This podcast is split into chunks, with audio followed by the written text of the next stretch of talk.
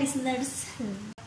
Jadi kita lagi ngadain survei kecil-kecilan sebenarnya di work from home ini apa sih yang jadi kekhawatiran orang tua eh, saat mendampingi anak-anaknya yang SFH sebenarnya ya. ya apa tuh SFA School from home. oh sekolah From- oh enggak gitu ya Enggak sih. Ada apa aja tuh Mi pertanyaannya? Ya, karena ini diambil dari mewakili cukup mewakili Indonesia rasanya ya Tahu dari mana ya? karena eh, ada kurang lebih 180 mama-mama dan papa-papa Hmm. yang jadi peserta Pop Mama online class. Jadi ibaratnya kita tuh lagi menyusup Iya. Oke, kita parasit. parasit untuk tahu permasalahan mereka apa sih. Mungkin kadang orang tua udah nggak tahu nih maksudnya aduh udah nggak tahu nih pelajaran dulu kelas 4 SD atau aduh kelas pelajaran 2 SMP tuh dulu nggak ngerti gitu dan memang Hmm. orang tua nggak perlu ngerti sih artinya ya udah memberikan ruang kepada si anak untuk coba belajar jelasin ke dong ke Iya. mama jelasin dong ke papa ini tentang itu apa, gitu Iya betul. Melatih anak berargumen ya. berargumen sampai kita Hmm. ngerti emang beneran kita mengerti kan ketika dijelaskan dengan bahasa-bahasa yang gampang ditangkap Betul. orang. Nah kalau anak kita udah bisa sampai situ, Iya, ya udah iya. goals banget Betul itu sih. kalau menurutku. Heeh, Makanya sebenarnya momen ini momen emas ya. Lagi-lagi momen emas ya. Betul, ya kan? Kesempatan yang langka loh kalau emang mau memperbaiki Hmm. generasi dan kalau semua sepakat sih untuk daripada maksudnya kalau sebelum momen ini kan terbagi ya ada penganut homeschooling, penganut sekolah iya di juga. di sekolah yang homeschooling merasa ini lebih baik di rumah bla bla gitu kan. Tapi kan baru gerakan sedikit sedikit nah mungkin kan tertular ya semua emang apa yang baiknya bisa dibangun sama-sama. Wow, wow, for a better place. Oke. oke. Apa sih nah ini ada pertanyaan dari ibu Iren Kupang usia 34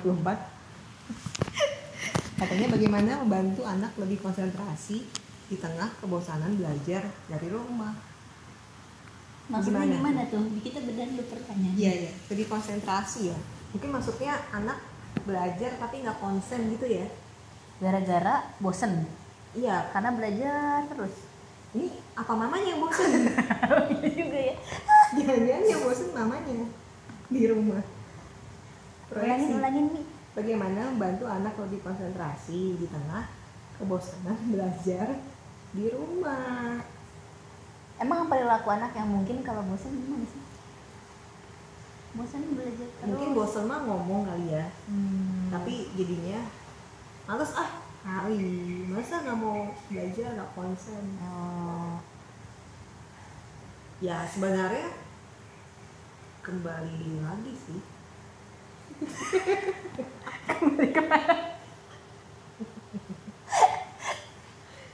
kenapa anaknya bisa bosan eh kalau bosan tuh wajar Betul. ya kan Betul. barangkali diubah-ubah aja kegiatan tapi kalau saya ya Hmm. Kemudian saya lebih tertariknya dengan kata supaya anak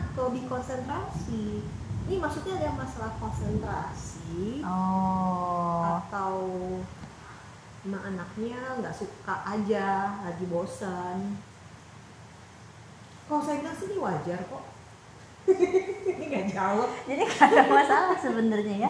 Kalau pertanyaannya adalah bagaimana membantu anak lebih konsentrasi,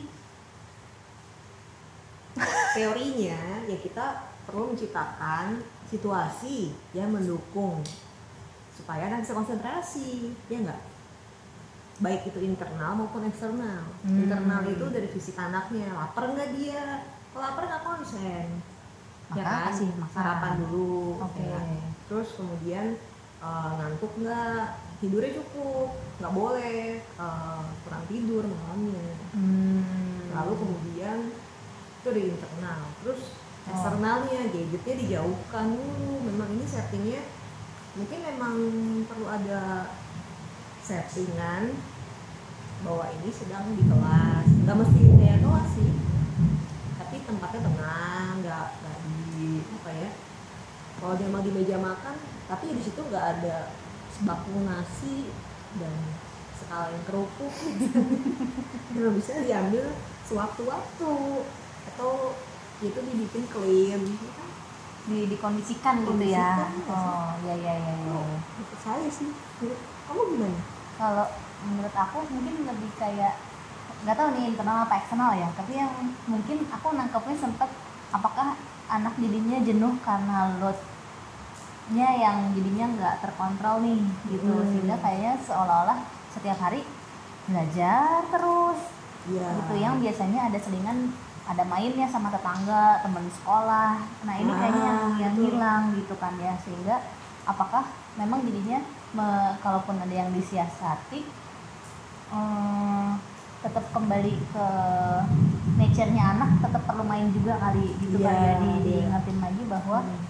ya ini tugas ini emang eh, kalau kalau aku sendiri memandangnya kalau tugas-tugas banyak itu malah jadi ya udah deh eh, tuntutannya sekedar kelar aja dulu gitu tapi untuk mendalaminya emang tugas orang tua dan mengingatkan untuk bermain juga jadinya mungkin yang biasanya nggak usah diingetin dia udah main gitu tapi Iya. sekarang kayak mesti ya udah kak kita ngapain yuk Mm-mm. gitu ya kalau orang lainnya punya waktu sih sebenarnya atau yang bisa disiasati sih dengan tips yang biasa kita lakukan kita mem- Hmm. membuat agenda harian hari ini Oh. kegiatannya satu dua tiga empat lima Mhm. masuk ke dalamnya ada mainnya di CCP ada bikin PR IPA nanti ada Oh, apa ya kan?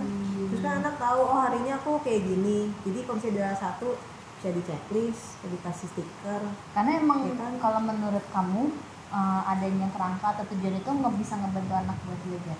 Dari satu contoh pengalaman sih iya. Oke. Mhm. oke. Kalau itu untuk anak yang nggak ada gangguan konsentrasi ya, ya kan? Iya sih Kalau emang ada gangguan ya itu beda lagi sih penanganannya. kalau ada gangguan hubungin psikolog ya Betul. yang tetap praktek kayak kita gitu Oke, kayaknya Oke. sebenarnya pertanyaan emang kurang spesifik sih. Kita kalau ada kesempatan interaksi kita bisa tanya sama Bu Iren. Tapi ini enggak ya. dan salahin pertanyaannya kita harus nangkep Oh iya harus menangkap.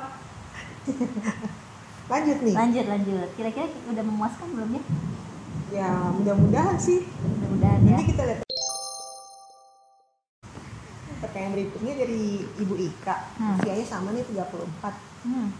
Katanya anaknya usia 6 tahun TK.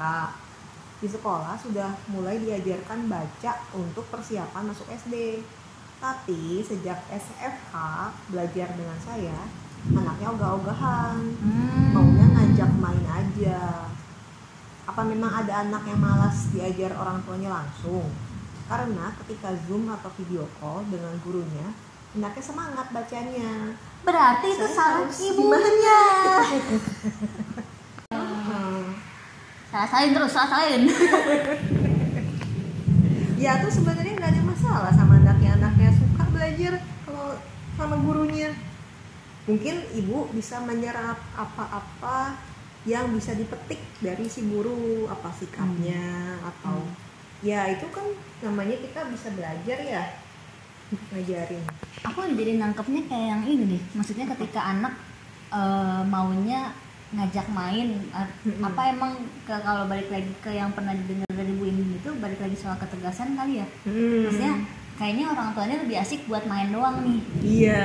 Gitu jadi Nggak anak asik buat belajar. Iya jadi mindset di anak tuh sama orang tua main main aja kan kalau ketika main nggak ada aturan mainnya ya boleh Betul. boleh sembarang aja iya gitu tapi begitu masuk ke aturan main yang lebih firm kayak belajar itu kan udah ada hmm, kerangka-kerangkanya nih mesti ngapain ada Ya. konsekuensinya nah apakah jangan-jangan eh, ini yang belum dibiasakan di rumah Mm-mm. gitu Mm-mm. apakah selama ini orang tua jadinya lebih ya udah nggak apa-apa sih sebenarnya mempercayakan anak ke sekolah sehingga emang anak dapat pengalaman teratur tuh dari Ya, disiplin. disiplin dari sekolah. Nah berarti mungkin kitanya juga kali yang jadinya bener sih kalau kata kamu tadi me- memetik apa yang dilakukan guru juga sambil juga menyerap sistem apa sih yang jadinya? Ya. Kenapa di sekolah bisa. kok di rumah enggak Betul. gitu? Harusnya kan nggak harusnya sih tapi biasanya anak kalau di rumah bisa di sekolah akan lebih Hmm, mudah gitu sih karena kalau misalnya sama guru bisa di rumah nggak bisa uh, artinya ini sih faktor emosi Hmm. motivasi ya. Kalau misalkan Hmm, digambarin hmm, kepribadian itu bukan aspek kognitif bukan karena anaknya nggak bisa baca. Karena kan anaknya bisa semangat ya kan? Iya berarti di aspek emosi sosial motivasi apakah mungkin ada unsur dia masih kangen karena mungkin Ah. ibunya juga kerja sekarang pas di rumah bisa. Jadi ngendon ngendon Nah, gitu. ah, ah, mungkin. Iya iya. Tapi yang jelas anak ibu sih nggak ada masalah di kognitif nih. Kemungkinan di ibu masalahnya. Mohon maaf ya bu. Nggak enak tapi kita harus straight to the point nih. Gitu ya semoga terjawab deh mungkin kita batasin 10 pertanyaan stop. Ya iya oke. Ini ini yang ketiga nih. Nantang banget 10 pertanyaan. Pertanyaan dibacain dulu biar Oh. pemirsa pendengar tidak tahu. Bagaimana mensiasati waktu yang terus berjalan? Ya waktu mah nggak bisa disiasati. Pertanyaan awalnya ini udah. Ini namanya mempertanyakan Tuhan ini. Ya gimana sih? bagaimana mensiasati waktu yang terus berjalan dan sudah melakukan contoh-contoh tersebut maksudnya Mhm. contoh Bu Becky ya tadi ya pembicara Oke. sehingga mulai muncul kebosanan dan stres baik pada orang tua maupun anak-anak hmm. ya gimana ya waktu nggak bisa disiasati intinya sih dia udah melakukan contoh-contoh tapi kok ujung-ujungnya ah, kok malah bosan bosan masih stres. oh Ya, mungkin cara itu tidak tepat buat mereka sebenarnya kalau kita memandang kebosanan kayak kebosanan aku pernah dengar itu deh maksudnya psychology of boredom gitu loh. Hmm, hmm, hmm, jadi kayak emang eh, kayak bosan itu kan sebenarnya kayak emosi yang tidak menyenangkan gitu kan. Maksudnya Hmm. sama kayak rasa sakit gitu. Yang ujung-ujungnya pasti akan menimbulkan stres oke. gitu. Nah, cuman kan terus bagaimana kita bisa memanfaatkan kebosanan ini atau kayak menghadapi kebosanan dengan cara apa sih? Sama aja kayak rasa sakit. Ini Iya. emang nggak enak nih. Iya. Cuman kalau kita bisa kayak memahami itu dari sisi yang lain gitu kayaknya bisa bisa di disiasati. Nah, pertanyaan kan gimana menyiasatinya gitu kan? Apakah kalau emang nyambung sama sama materinya Ica ya berarti kayak si kreativitasnya itu loh gitu. Iya sih. Ketika udah bosen sebenarnya kitanya nih yang kayak itu itu Cari- ngapain lagi ya? cari lagi. cari lagi gitu. sebenarnya Gitu. interaksi mungkin ya yang membuat suatu tidak bosan maksudnya kalau emang untuk kegiatan orang tua dan anak lakukan tapi dengan ada yang tadi kamu bilang ada Hmm. ceritanya diceritakan ini tuh tahu nggak sih Iya. kita kayak gini-gini ya Iya. iya betul betul mungkin bukan soal apanya tapi cara Cara melakukannya oke bagus. ketika menjawab puas mudah-mudahan energinya tersampai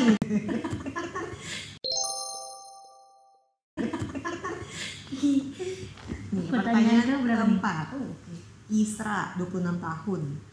Katanya, di tengah situasi SFH ini, sering ditemui kendala di anak jadi malas untuk mengerjakan beragam jenis tugas yang diberikan di sekolah, terutama anak-anak usia dini seperti PAUD dan atau TK hingga kelas 1 2 dengan alasan bosan. Bosan kan kemarin-kemarin udah ngerjain tugas. hmm, Ini solusinya seperti apa? At the end, kadang terjadi pertengkaran antara anak dan orang tua. hmm, ya sih memang yang diperlukan anak memang pertengkaran kayaknya Sebenarnya mah jangan sampai bertengkar. jangan sampai bertengkar ya Iya nggak sih? Maksudnya ini anak-anaknya masih kecil kok, anak PAUD, TK, kelas 1, kelas 2. Hmm. Ya jangan sampai bertengkar. Ini tuh masa-masa emas menumbuhkan kecintaan belajar. Jadi ulangi lagi maksudnya apa hubungannya pertengkaran dengan belajar nih enggak maksudnya Hmm. jangan bertengkar karena ini masa-masa emas. Jadi maksudnya jangan sampai Hmm. mendapat memori bahwa belajar itu nyebelin karena Hmm. identik dengan bertengkar. Oh I see. Oke. Oke oke ya oke, kan? terus oke, ini oke. masih anak usia TK ya ya jangan dibilang ayo kerjain ini ayo kerjain itu. Ya mungkin anak males apaan sih? Gitu kan. Kan emang ini usia bermain. Main aja. Nggak. Main dibikinnya main. Orang dewasanya nih berarti yang Heeh. mesti ngerem. Betul ribut gitu ya? Iya. Jangan tegang. Oh jangan Iya. tegang. Ibunya tapi pasti tegang deh tegang kayaknya mungkin karena dituntut sama gurunya. Ayo kumpulin hasilnya. Hmm. ya kan? Cuma kalau saya sih alirannya ngikutin ibu Candy Waldorf ya. Iya, jagat iya. alit Hmm. usia-usia ini anak biarin bebasin main. Justru dari main itulah dia belajar. Tapi mainlah.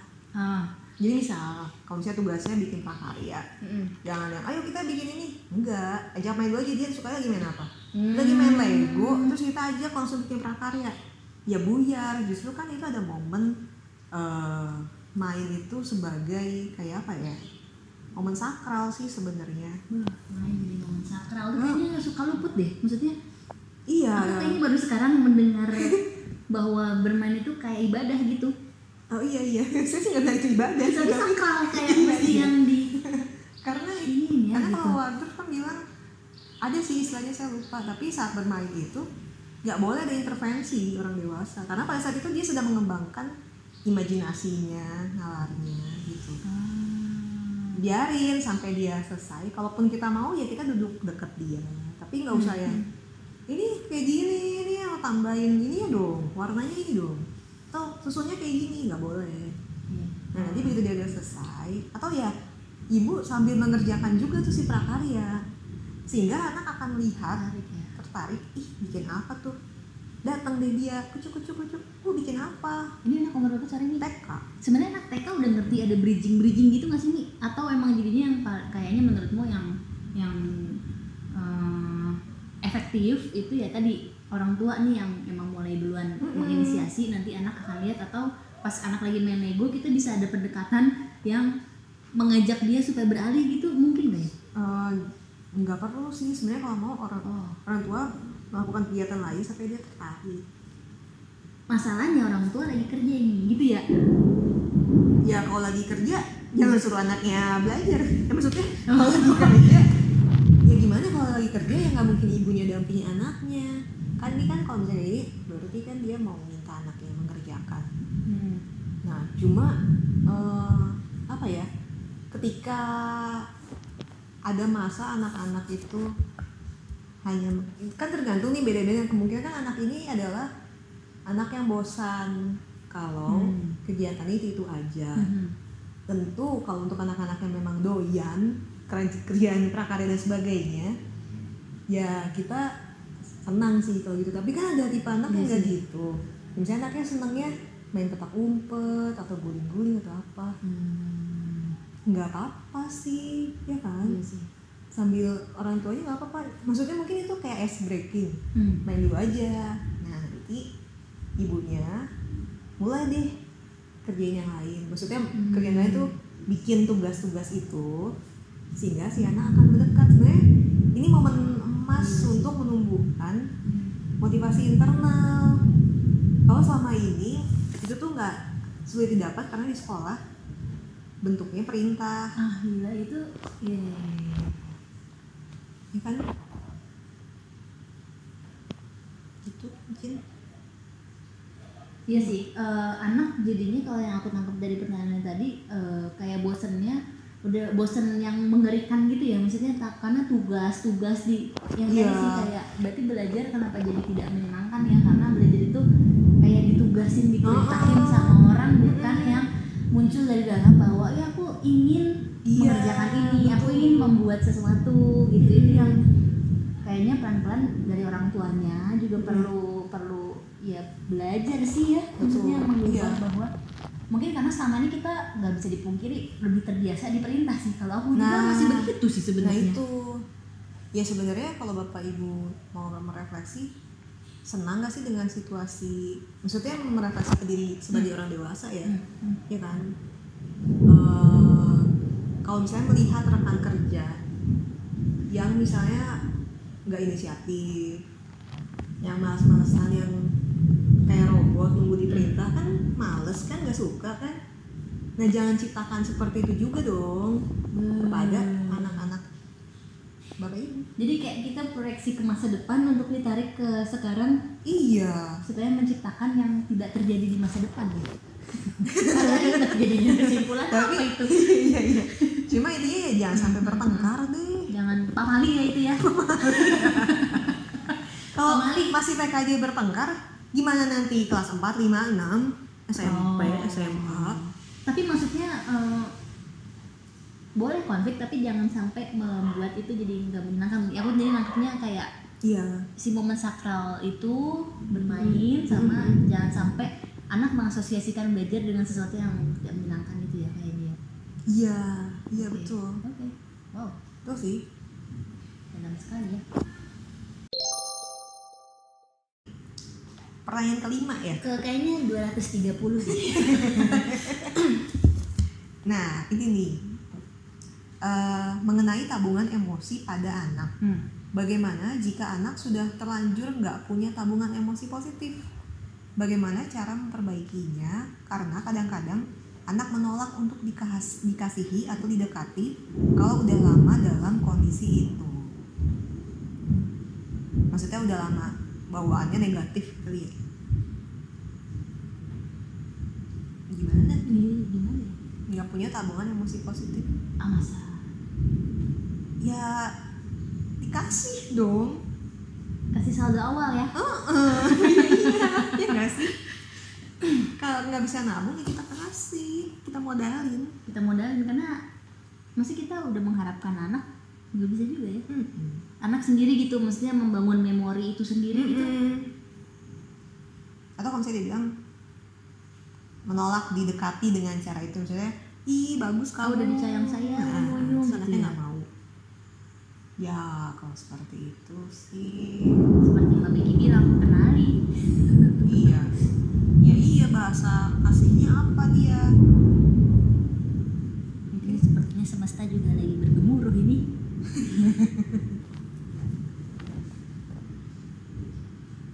tetap sih harus diciptakan lagi ya Iya sih. kayak kayak kalau isi bensin ibu mulai dari nol ya gitu Mm-mm.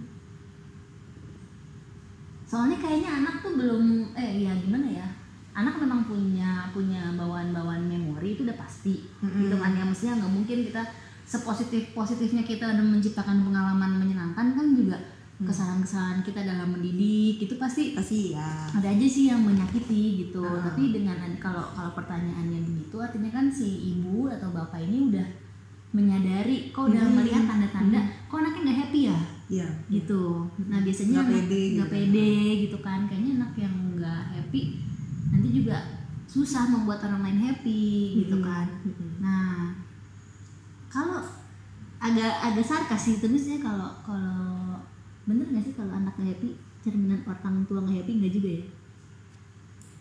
Eh eh eh. Bisa di demo nih ngomong gini nih. Ya plus minus adalah kan anak bentukan dari pola asuh orang tua ya. Maksudku kenapa aku bilang gitu? Hmm. Eh, kalau misalnya anak merefleksikan ketidakbahagiaan dan itu terpancar dalam keseharian gitu kan oh iya. ya ya udah kita yang berkaca apa janjian kita yang nggak Oh iya, happy iya. apa kita yang emang kemerungsung sendiri Betul, karena betul. kebanyakan pikiran sehingga yang keluar ke anak adalah misalnya marahin atau terus berusaha nyayang nyayangin tapi kitanya lagi nggak firm buat menyayangi Iya, nih iya gitu. jadi intinya orang tuanya beresin dulu gitu ya. Mungkin ya. Stabilisasi emosinya dulu gitu ya. Mungkin sih. Ya masuk akal sih betul. Itu dia kali ya iya sih iya karena kan i- ya intinya difilter dulu ya reaksi orang tua ke anak gitu kan maksudnya. Kan kalau mau jadi pemilik modal kita juga mesti kaya dulu ya. Betul. Terus kita mau modalin anak dengan kebahagiaan ya kitanya bahagia dulu betul. gitu